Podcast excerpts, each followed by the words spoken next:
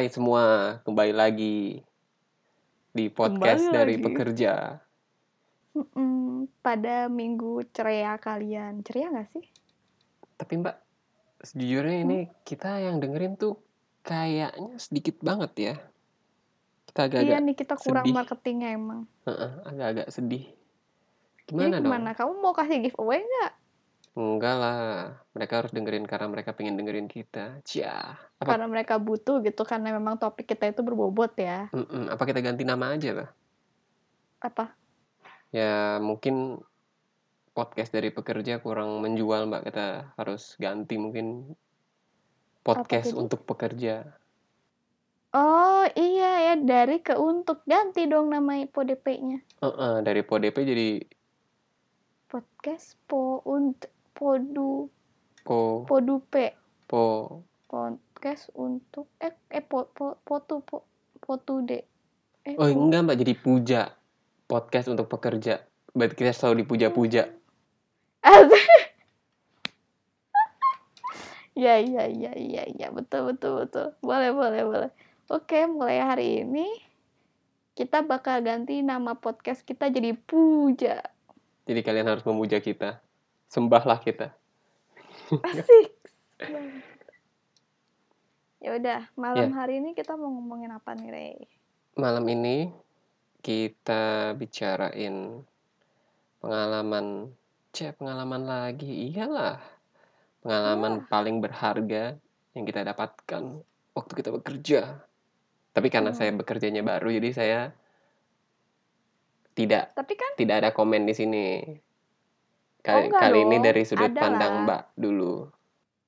oh dari aku dulu tapi seharusnya sih bekerja berapa tahun pun seharusnya kamu punyalah sudut pandang Belum Mbak, ada Kalau- saya adanya sudut gawang, nggak ada sudut pandang. asik gawang main bola mulu pelajaran yang berharga yang aku dapatkan Matematika sama Excel ya. bekerja. mikir dulu ya enggak dong ini kan lebih ke soft skill lebih ke pem- apa pembentukan karakter. Menurut aku ya kalau selama selama kerja itu bukan sisi ilmu pengetahuan kayak skill dan macem-macem tapi lebih kayak ke pembentukan karakter kalau aku pribadi ya. Soalnya hmm, pertama kan kita kerja dari karena kita S1 kan kita pasti eh, levelnya officer dulu. Padahal di bawah itu masih ada level eh padahal di selain itu masih ada level di bawah officer kan. Nah di situ aku mikir kalau kita yang bisa S1 itu suatu hal yang harus kita patut syukuri sih. Banyak banget kan keuntungan kalau kita mulai kerja dari level S1 tapi secara eh, knowledge yang di bagian apa skill pengalaman itu sebenarnya anak-anak yang kayak tamatan SMK, SMA atau D3 yang berpengalaman kerja justru malah lebih pintar dari kita. Jadi pengalaman A berharga yang aku dapetin yaitu jangan sombong mentang-mentang lu lulusan S1, jangan sombong, hargai mereka, dengerin pendapat mereka, ambil pelajaran dari ilmu mereka karena kita bisa belajar, kita bisa eh, mendapatkan ilmu pengetahuan dari sekolah. Tapi kita nggak bisa dapat pengalaman yang sudah mereka lalui. Jadi gimana sih cara kita da- mencuri pengalaman mereka? Yaitu mendengarkan masukan mereka, pendapat mereka. Hmm, dan Jadi da- Jangan sombong. gitu. oke. Berarti kita harus banyak-banyak apa nih Mbak? Kalau misalnya bertanya kan kadang dikira kita SKSD. Hmm, Apa kalau misalnya lagi ada kalau project? aku sih langsung nanya ya. Oh, langsung nanya aja. Kalau kalau kalau dalam meeting, kalau dalam meeting pasti dikasih kayak open discussion gitu. Jadi menurut kalian gimana? Ungkapin aja, nggak usah. Tapi kalau apa nggak usah malu kalau mereka nggak mau kita kasih contoh. Kayak kita harus men-trigger mereka untuk bicara. Kayak gitu. Mungkin karena aku tipe pendengar juga ya. Jadi orang tuh lebih nggak tahu kenapa nggak usah aku trigger mereka mau cerita. aku pun juga bingung. Ya mungkin itu bagian dari daya tarik Mbak kali. asik daya tarik ya sih itu skill yang nggak bi apa nggak semua orang punya sih tapi rata-rata introvert pasti punya sih Kok saya nggak punya ya? Kan introvert ada levelnya, aku level yang nggak ada obat emang. Oh, Mm-mm. Bapak kayaknya ada obatnya gitu. Mbak kok sombong banget sih? Ya Allah kagak ada obat udah parah. Bukan menjadi introvert tuh bukan suatu kebanggaan ya Bapak ya. Bukan, biasa aja. Kenapa? Kenapa gitu? Coba Mbak ceritain hubungan introvert dengan eh, pekerjaan Kita di kantor. Melenceng Apakah topik oh, boleh boleh. apakah Nanti itu aku bisa. mengganggu atau justru sebuah nilai plus buat Mbak dulu? Selama kerja kenapa aku ngerasa introvert itu tidak membantu dalam dunia kerja aku? Karena karena pertama kan kita kerja pasti ada meeting, ada apa gitu kan. Dan meeting itu nggak kayak sejam dua jam kan, oh bisa lebih, bisa seharian bahkan, oh, bisa gila kan ketemu itu. Di satu ruangan kecil ruangan meeting kan gak gede-gede amat kan. Terus kita ke mana-mana juga semua mata akan tertuju pada kita kan. Jadi harus jelas mau ke mana mau ngomong apa. Jadi sebagai introvert tuh merugikan banget deh paling males namanya meeting di satu ruangan berjam-jam. Mhm. dan kalau kita lagi introvert banget itu jadi nggak fokus nggak mau ngomong nggak mau merhatiin. Dengerin sih dengerin tapi kayak yang apa sih udah ntar aja deh ntar aja udah mau ngomongin ntar aja mau catat aja udah lu jangan bacot gak usah nanya-nanya. Jadi pengen gitu ngomong dalam hati ya nggak mungkin dong depan meeting kita ngomong gitu jadi menurut aku introvert amat sangat-sangat mengganggu ketika meeting panjang gitu udah capek energinya kan Oh itu kondisinya Mbak sebagai yang pembicara gitu ya, bukan yang mendengarkan atau dua-duanya? Loh. kan meeting kita harus feedback bolak-balik Iya sih, saya biasanya diem doang. Mm-mm. biasanya kita diem doang tapi kalau tiba-tiba ditanya hmm nggak mungkin dong kita diem doang Saya izin mau ke toilet. Nah, kalau di, di ke toilet semua mata tertuju pada kita dong. Iya, tapi kan mau ke toilet. Ya, tapi kan kalau kalau udah capek banget introvert tuh malas banget di diliatin kalau aku ya. Aku tuh kalau udah sisi apa introvert hangover ya muncul, udah malas ketemu orang, udah malas ngomong, udah malas melakukan kegiatan yang seharusnya dikegiat dilakukan, malah melakukan kegiatan lain kayak udahlah pengen kabur dari dunia itu. Terus sih. Kayak itu cukup Jadi- cukup ekstrim ya. Tapi Mbak pernah walk out gitu nggak dari meeting? Walk out, udah kayak jerings. eh workout dari meeting nggak pernah sih. Tapi waktu itu pernah workout dari acara kantor gitu kan, ada kayak acara 17-an. Itu aku ada kabur aja gitu, acara makan malam gitu kan. Soalnya kan acara makan malam kantor gitu. Soalnya kan kita kerja udah ketemu lulu lagi. Terus sekarang gue harus makan malam sama lolo lagi. Mendingan gue pulang. itu ya, workout itu ya. Jadi ada acara gathering, mereka lagi nyanyi-nyanyi, aku keluar mak ke bus tidur. Bus. Oh. Hmm, Terus kalau 17 Agustus kan uh, ada satu ruang meeting yang dipakai buat naruh makanan kan sama kayak apa sih hadiah-hadiah souvenirnya itu kan buat anak kecil sih bukan buat yang panitia. Cuman karena aku anak baru pasti harus jadi panitia. Nah, ketika mereka acara terus lagi apa aku bukan jadi panitia yang jagain lomba itu karena aku bagian pagi. Nah, siang sampai sorenya aku akan di dalam ruangan itu dan tidur. Bodoh amat lo main apa. Terus makan juga nggak akan bareng-bareng mereka gitu. Kayak capek aja gue udah main bareng lo, makan bareng lo. Gitu sih. Workoutnya sih cuman sebatas itu nggak pernah mungkin di dalam meeting tiba-tiba pergi nggak. Hmm. Kalau nggak salah di kantor yang ini yang bareng kita aku pernah eh nggak ada kamu sih yang itu loh kita yang bagian acara ini loh tuker-tuker kado sebenarnya kan mereka setelah tuker-tuker kado masih ngobrol-ngobrol kan di ruangan. Nah aku nggak aku cuma ngambil makanan langsung lari ke atas. Males aja kelamaan di bawah. Oh. Yang ini. Ih kamu ngapain nggak ikut ya waktu itu ya? Krim ekonomi. oh iya takut gara-gara krim. Nah iya iya itu itu itu. Gitulah Takut Bukan gara-gara krim ekonomi. kamu sih ketika itu. Enggak enggak Kamu jahat bahkan Pak Ray ini tuh jahat tapi dia suka bikin giveaway. Jadi kalau saat ini aku bilang giveaway giveaway dia nggak ngasih tapi inget aja suatu hari nanti dia bakal ngasih.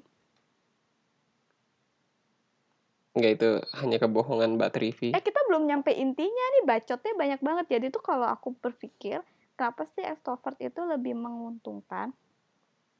Karena mereka akan menjadi pusat pusat perhatian. Dia bakal eh, semua omongannya bakal didengerin. Entah itu berisi atau enggak. Oh ya jadi tuh ada eh, ada pengalaman lagi eh, orang itu tidak akan tidak akan tahu kamu tuh pinter atau enggak. Tapi selama kamu dalam meeting itu ngomong orang akan apresiasi itu gitu. Karena orang males ngomong gitu. Males ngebacot gitu. Itu bos aku tuh kayak gitu. Bos bosnya aku kayak gitu. Nah, tuh.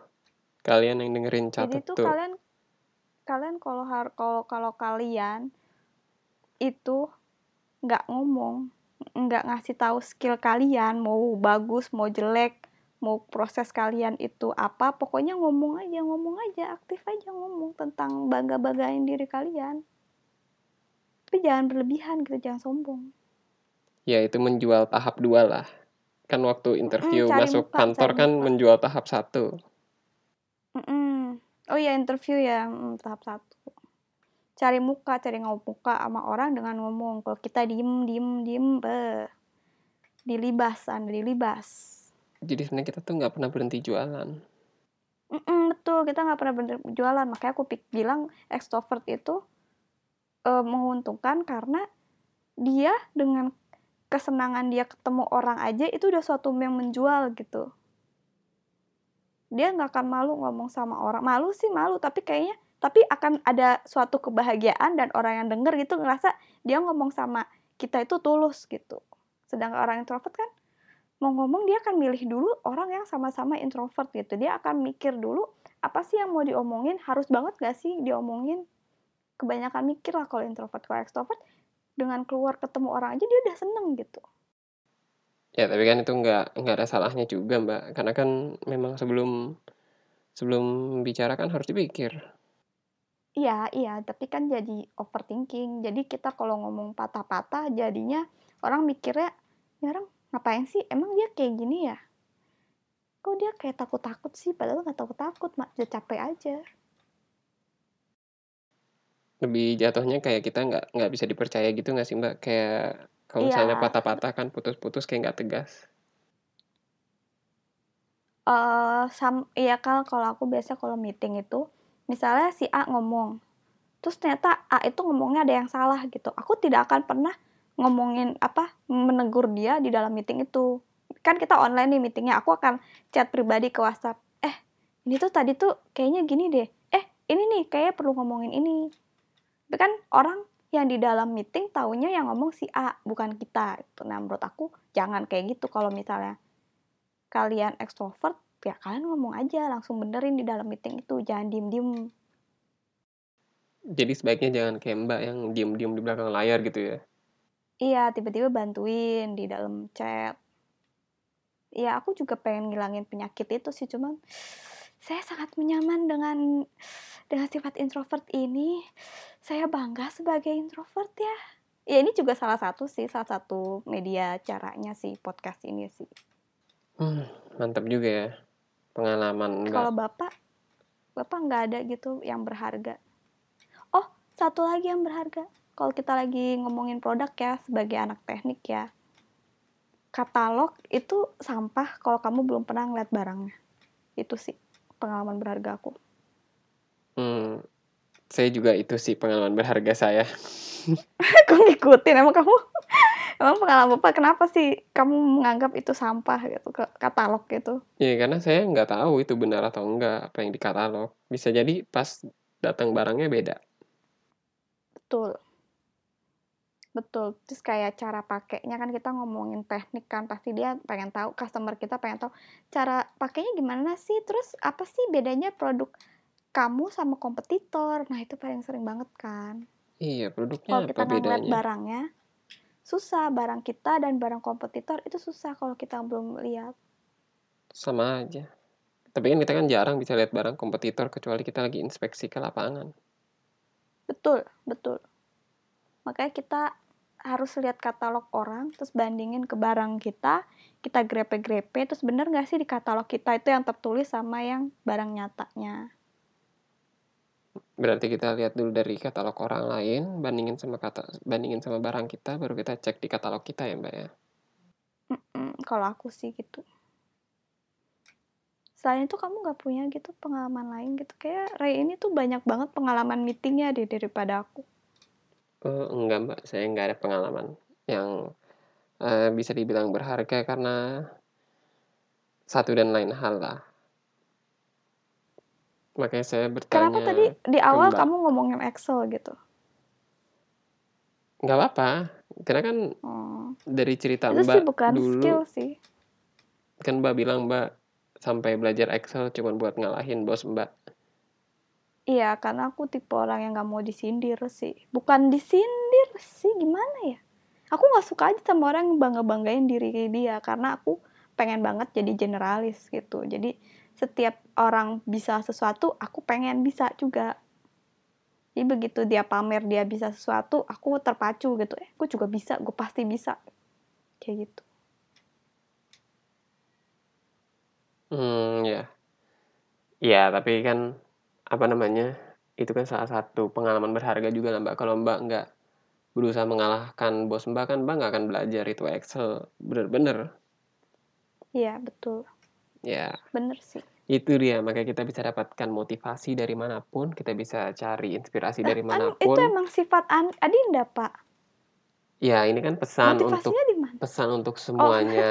Kita bisa mendapatkan pelajaran berharga atau skill berharga itu bisa dari mana pun. Inspirasi, motivasi bisa dari challenge atau mungkin dari hal negatif pun bisa. Makanya kita harus selalu melihat hal melihat banyak hal dan pengalaman itu dari dua sisi. Jangan cuma positifnya aja tapi kita lihat dari negatifnya apa yang bisa kita ambil poin untuk menjadi positif. Karena negatif dan negatif menjadi positif itu bukan sekedar kata-kata tapi memang itu sudah dibuktikan. Oke deh. Sampai jumpa di episode berikutnya. dadah. Bener dadah. Iya ya. bener.